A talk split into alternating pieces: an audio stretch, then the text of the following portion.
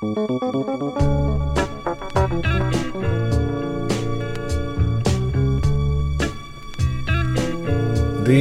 är så härligt att höras igen. Det är fan för sällan eh, på något sätt.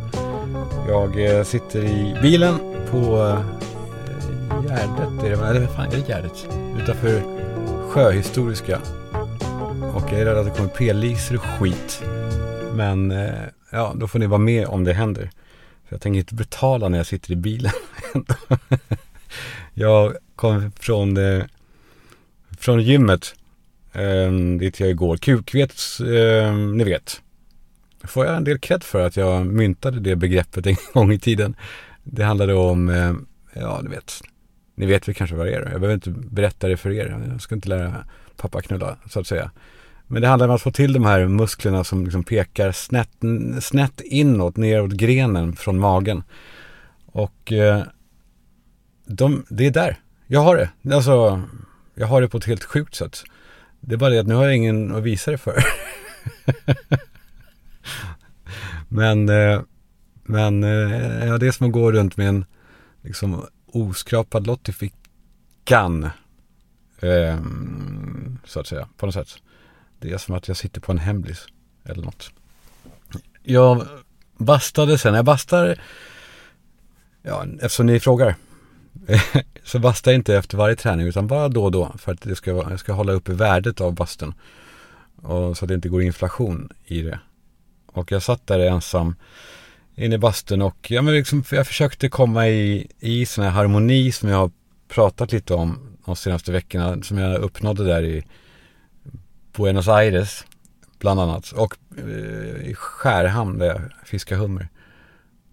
Men jag lyckades liksom inte riktigt. Jag fick aldrig till det. Jag kom aldrig in i det riktigt. Jag bara satt och stirrade på min eh, sån här Apple Watch. Eh, för den har en, eh, ja men, eh, ja, den mäter ju pulsen hela tiden. Då tänker jag att det är kul att hålla koll på den. Och så ser jag då när jag sitter i bastun hur den här pulsen stiger och stiger. Jag tänker på det under träning, det förstår jag, går den upp i 170, 180 ibland. Och sen bara går den ner till 90, så kommer jag in i bastun. Då bara, då går man bara upp igen.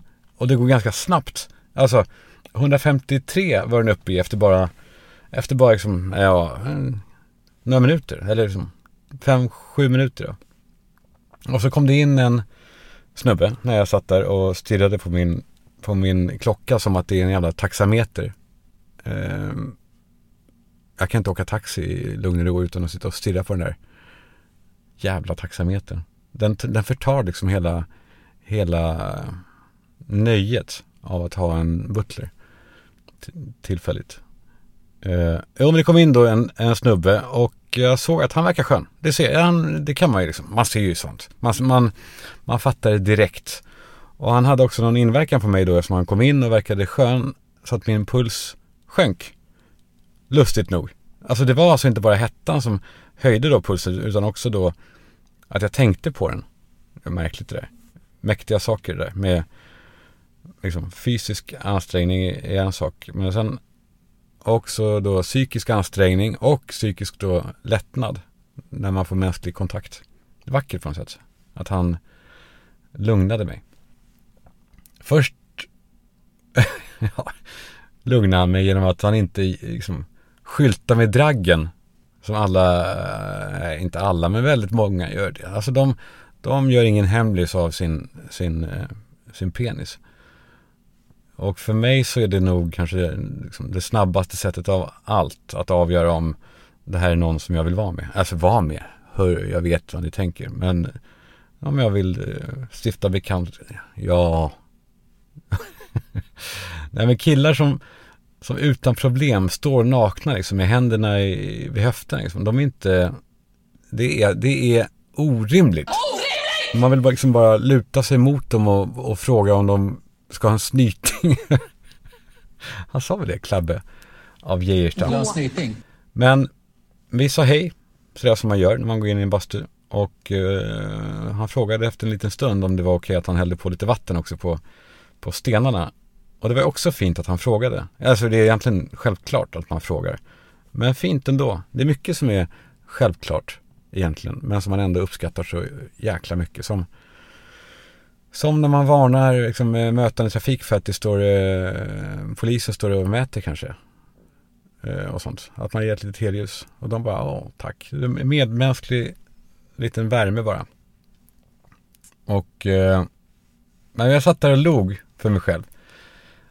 Eh, när jag kommer att tänka på, jag har ju berättat det va.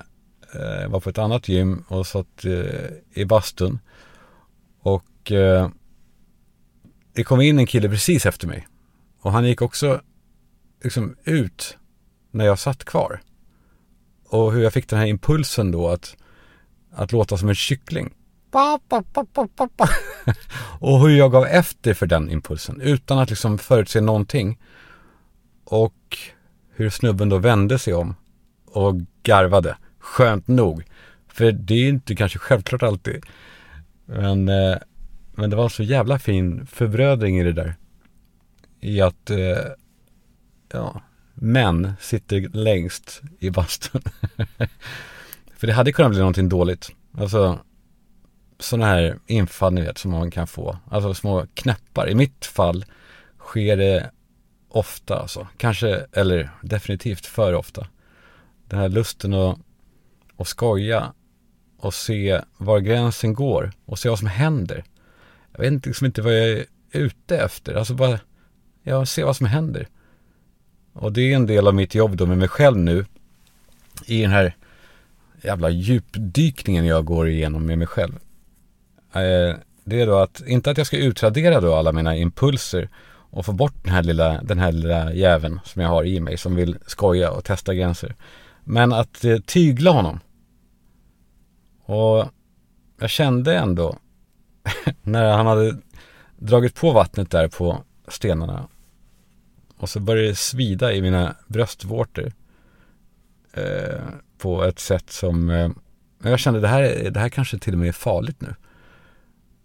Och eh, jag kände, jag, jag, jag måste gå, jag måste ut, jag måste få svalka.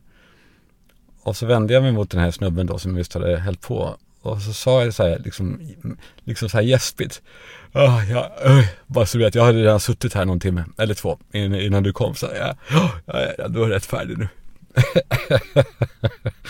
och han eh, log då och sa att, ah, jag, jag fattar, jag vet, du har suttit bra länge nu.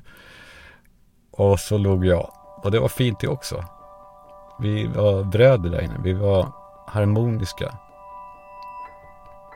Det är ibland som, eh, ja men insidan ut. Ni vet. Ni har ju sett den filmen, hoppas jag. Så här låter det ju när alla delar av, av ens liksom hjärna är i harmoni. I filmen då så är det så här lycka och ilska och äckel och, och vad det nu är. Skam eller vad det är. Fan, det är, det är kanske en av de bästa barnfilmerna, men också vuxenfilmerna som har gjorts. Otroligt nyttig att se alltså. Men den här musiken, liksom, när man känner att alla delar av en går åt samma håll. Och då handlar det inte om någon eufori. Och det har jag sagt förut. Jag vet att jag kanske tjatar om det där. Att jag tror att den som jagar eh, eufori kan bara bli besviken. För jo, den finns såklart, men, men bara i korta, korta stunder. Det är därför det är eufori. Liksom. Jag tror inte på det här med att jaga, jaga den där lyckan liksom. Jag lyssnade på en otroligt bra eh, podd-dokumentär på P1. Eh, som heter Mando Diao, Förälskelse och undergången och sånt där. Kolla efter den. Slå bara Mando Diao P1 podd typ. Och eh, den, eh, den, var så, den var så jävla fin alltså. Och Gustav Norén då som, som, den, som är liksom mittpunkten av den här dokumentären. Han säger det så, så jäkla bra fast, fast det kanske då låter som att det är dystert. Det är inte det men det låter ändå dystert. Han får då frågan från den här dokumentärmakaren om han hade varit lyckligare om Mando Diao aldrig hade existerat. Jag är inte på denna jord för att vara lycklig. Jag är inte, har inga sådana mål i livet. Vad vill du då? men jag vill surfa på den vågen som finns tillgänglig för mig. Det är på pricken ju. Jag älskar honom för det här. Jag känner honom inte en sekund. Uh, alltså, jag har träffat hans bror några gånger. Nej, vad är det med det då? uh, Viktor. Han är fin. Uh, men Gustav Norén uh, är då uppenbart en, en helt autentisk person. Och snygg som fan också. Uh, men framförallt autentisk. Och jag tänker ofta nu eh, jo, men jag tänker ofta på mitt liv eh, som att jag står i en sån här ståvagn som de hade i typ romarriket. Kommer ni ihåg det i Gladiator, där inne på Colosseum? När det är de sista liksom, eh, tävlingarna. Och då kommer de med så här, de, det är en liten sulker typ bakom eh, hästar som står i och, och skjuter pilbågar och skit. Och alla de här hästarna, tänker jag då, i mig själv då, i den här, i den här bilden jag har. Det är fyra helt olika hästar som, som var för sig är bara en jävla galning. Men tillsammans så kommer de framåt så, gör, alltså, så blir det en maskin och då blir det som en jävla stridsvagn. Men delar man på dem så är de helt olika och helt egensinniga och tänker bara på sitt. Och jag tänker på att jag alltid haft så svårt att få, få ihop de här hästarna då i mitt huvud. Att få dem att jobba tillsammans. Som i sådana där ekipage. För det är alltid så, eller har alltid varit så i mitt liv, att en av hästarna alltid liksom tar över och pajar alltihopa. Fördärvar hela skiten. Så den där harmonin då i, i insidan ut-låten, den har liksom inte funnits för mig där. Det har allt för ofta varit bara en häst åt gången som har styrt alltihopa. Det är som, det är som att det inte har eh, funnits någon liksom, det har inte funnits ett starkt jag då som står och styr hästarna i den här ståvagnen. Och mina hästar de har sprungit liksom bäst fan de har velat.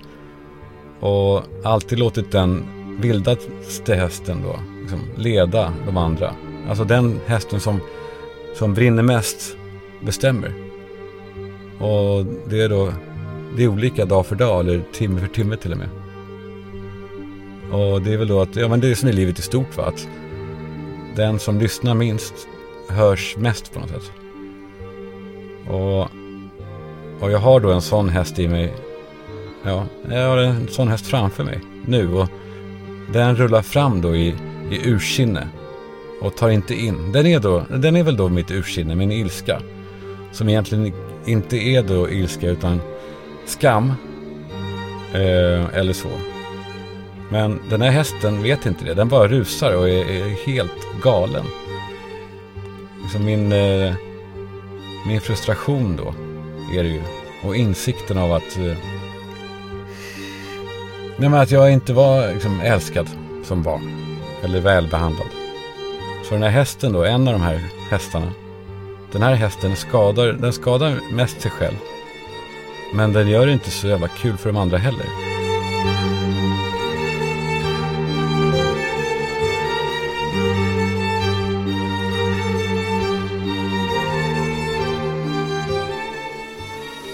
Och så har jag en annan häst där framme.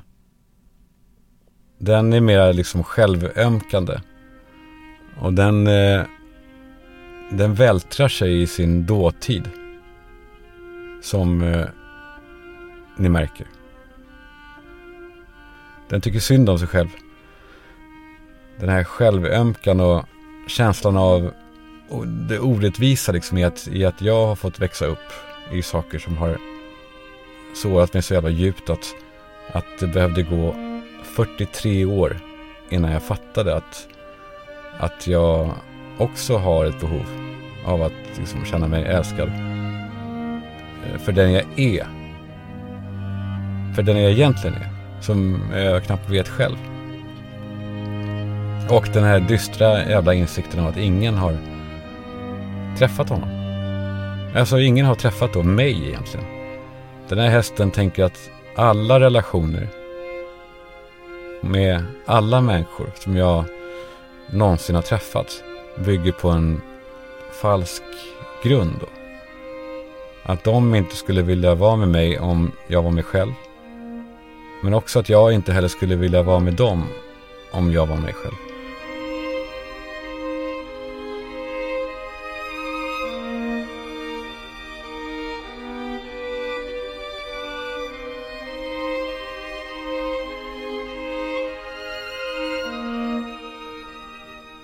Och här har vi då också hästen som skojar. Den, eh, den lilla jäveln liksom. den som, eh, ja men det är, det är den hästen som fick fria tyglar där i bastun. Och eh, den är nästan hela tiden framme och vill in och fördärva och ha kul. Den är kul. Men den ställer till det också väldigt ofta. För den använder inte de här, de här eh, liksom, eh, behoven av att skoja till det bara med att skoja utan också till att, till att säga saker lite för snabbt och som man kanske inte riktigt menar. Den eh, ställer till det för mig väldigt ofta, för ofta. Och den vill också alltid gå för långt i alla, liksom alla sammanhang. Den testar gränserna och eh, det är kul men den måste tyglas.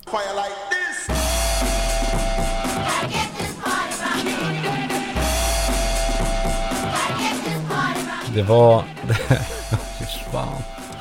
det var någon tjej som sökte någon, äh, någon kontakt med mig. Det hände väl. Nej men det var en tjej som eh, hörde av sig. Och skrev, eh, alltså, ja. Nej men hon skrev, eh, så här, det, eh, alldeles i början när man pratar med någon. Så, så eh, frågade vad gör du? Vad har du gjort? Och så skrev hon att hon hade varit ute på middag. Och alltså det här, jag, jag kände henne ju inte alls. Jag tyckte bara att det skulle vara otroligt kul då. Att eh, liksom låtsas vara en riktig, eh, att låtsas vara en riktig jävla bad catch. Att jag då efter de här tre smsen frågar så här, ja och vem fan var du ute med? Var det killar, var det killar med? I versaler. Och jag hann inte stoppa mig själv. Innan jag tyckte skicka. Och så och så skrev jag sen direkt efter så här, jag var, jag var skojade. Att alltså, jag ville, jag ville driva med hur, liksom, hur otroligt fel ute man kan vara om man skriver en sån sak. Och, och eh, så såg jag de här prickarna att hon skrev. Och så stod det bara, okej, okay, kul. Och sen så rann det ut i sanden det där. Lika bra. För man vill väl ändå ha någon som man kan då få säga fel med också och skoja dåligt med. Men så har jag också där framme, där är hästen som också, eh, ja, det är ingen muntergök.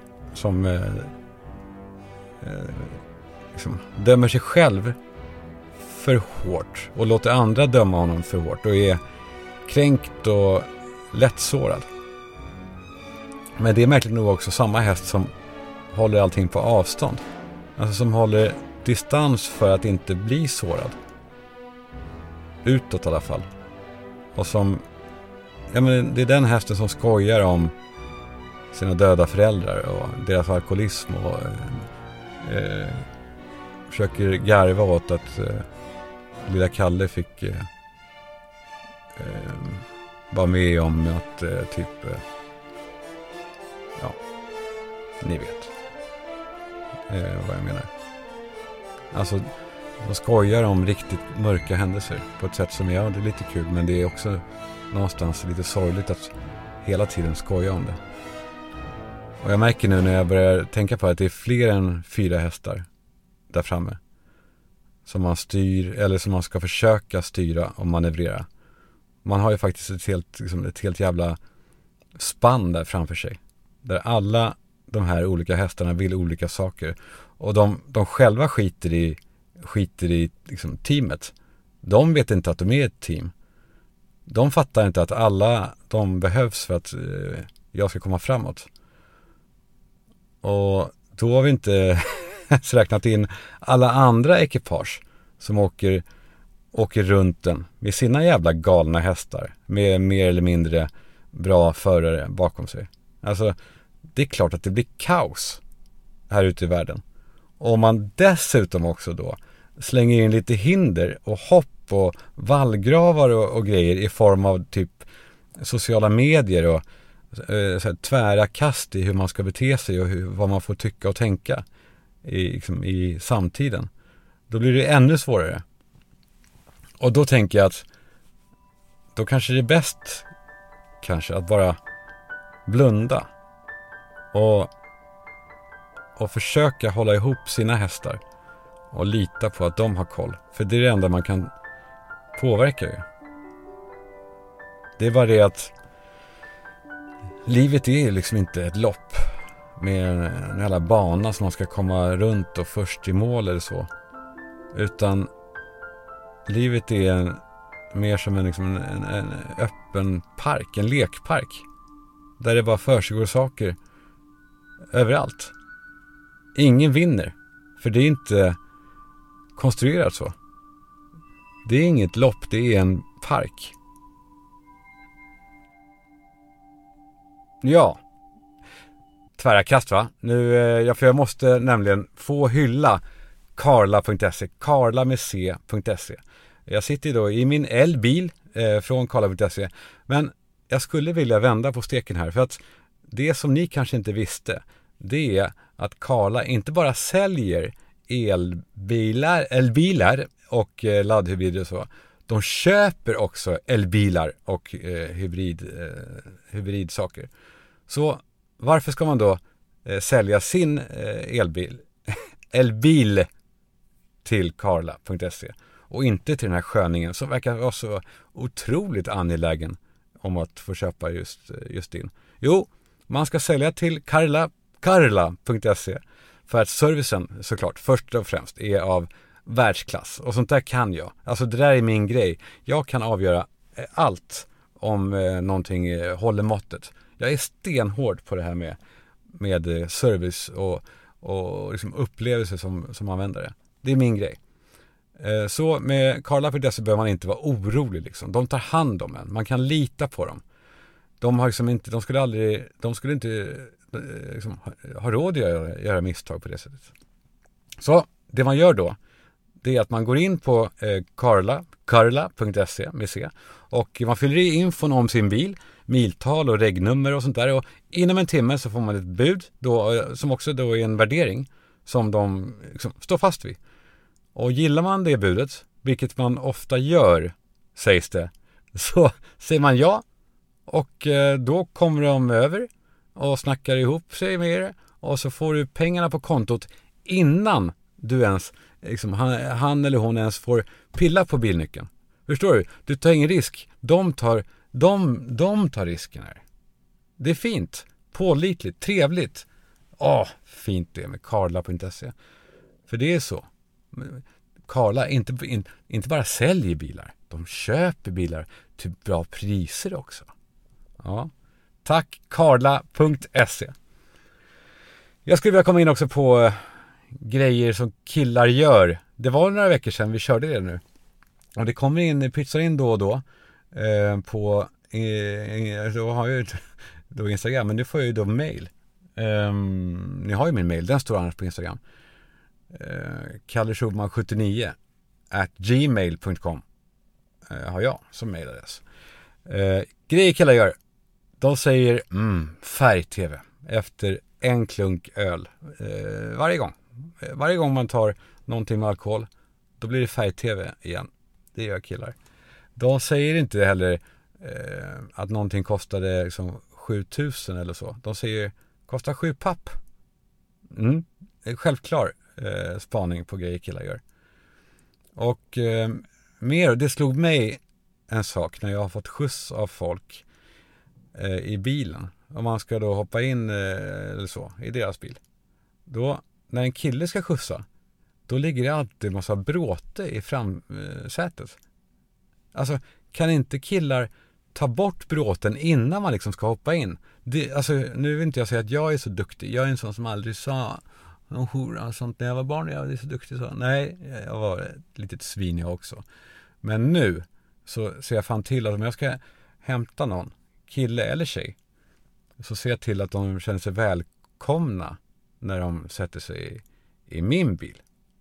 Det är, sån är jag. Eh, mer, killar gillar att prata om batterier. Väldigt mycket. Mycket, mycket, mycket mer än tjejer. Jävla märklig grej där. De älskar att prata om ampere och räckvidd och kilowattimmar. Jag har, jag har aldrig fattat det här med kilowattimme. Hur, hur rörigt kan ett begrepp bli? Men jag behöver inte ens ställa frågan innan en kille ska fram och förklara vad det är. De, de älskar att förklara vad en kilowattimme är. De älskar det nästan lika mycket som de gillar att eh, förklara offside-regeln. Tjejer. Grejen är bara att de, de kan aldrig förklara den här offside-regeln då i fotboll. Så att någon någonsin har förstått. Det finns inte. Alltså det är, är nog en grej som verkligen killar gör. De förklarar offside-regeln så jävla rörigt som det bara går under en match. Det är så här. Okej, okay, uh, okej. Okay. Alltså så här älskling. Om en spelare passar bollen. Nej! Fan, fan vad dålig du är Blomqvist din jävla... Oh! Byt ut dig själv för fan.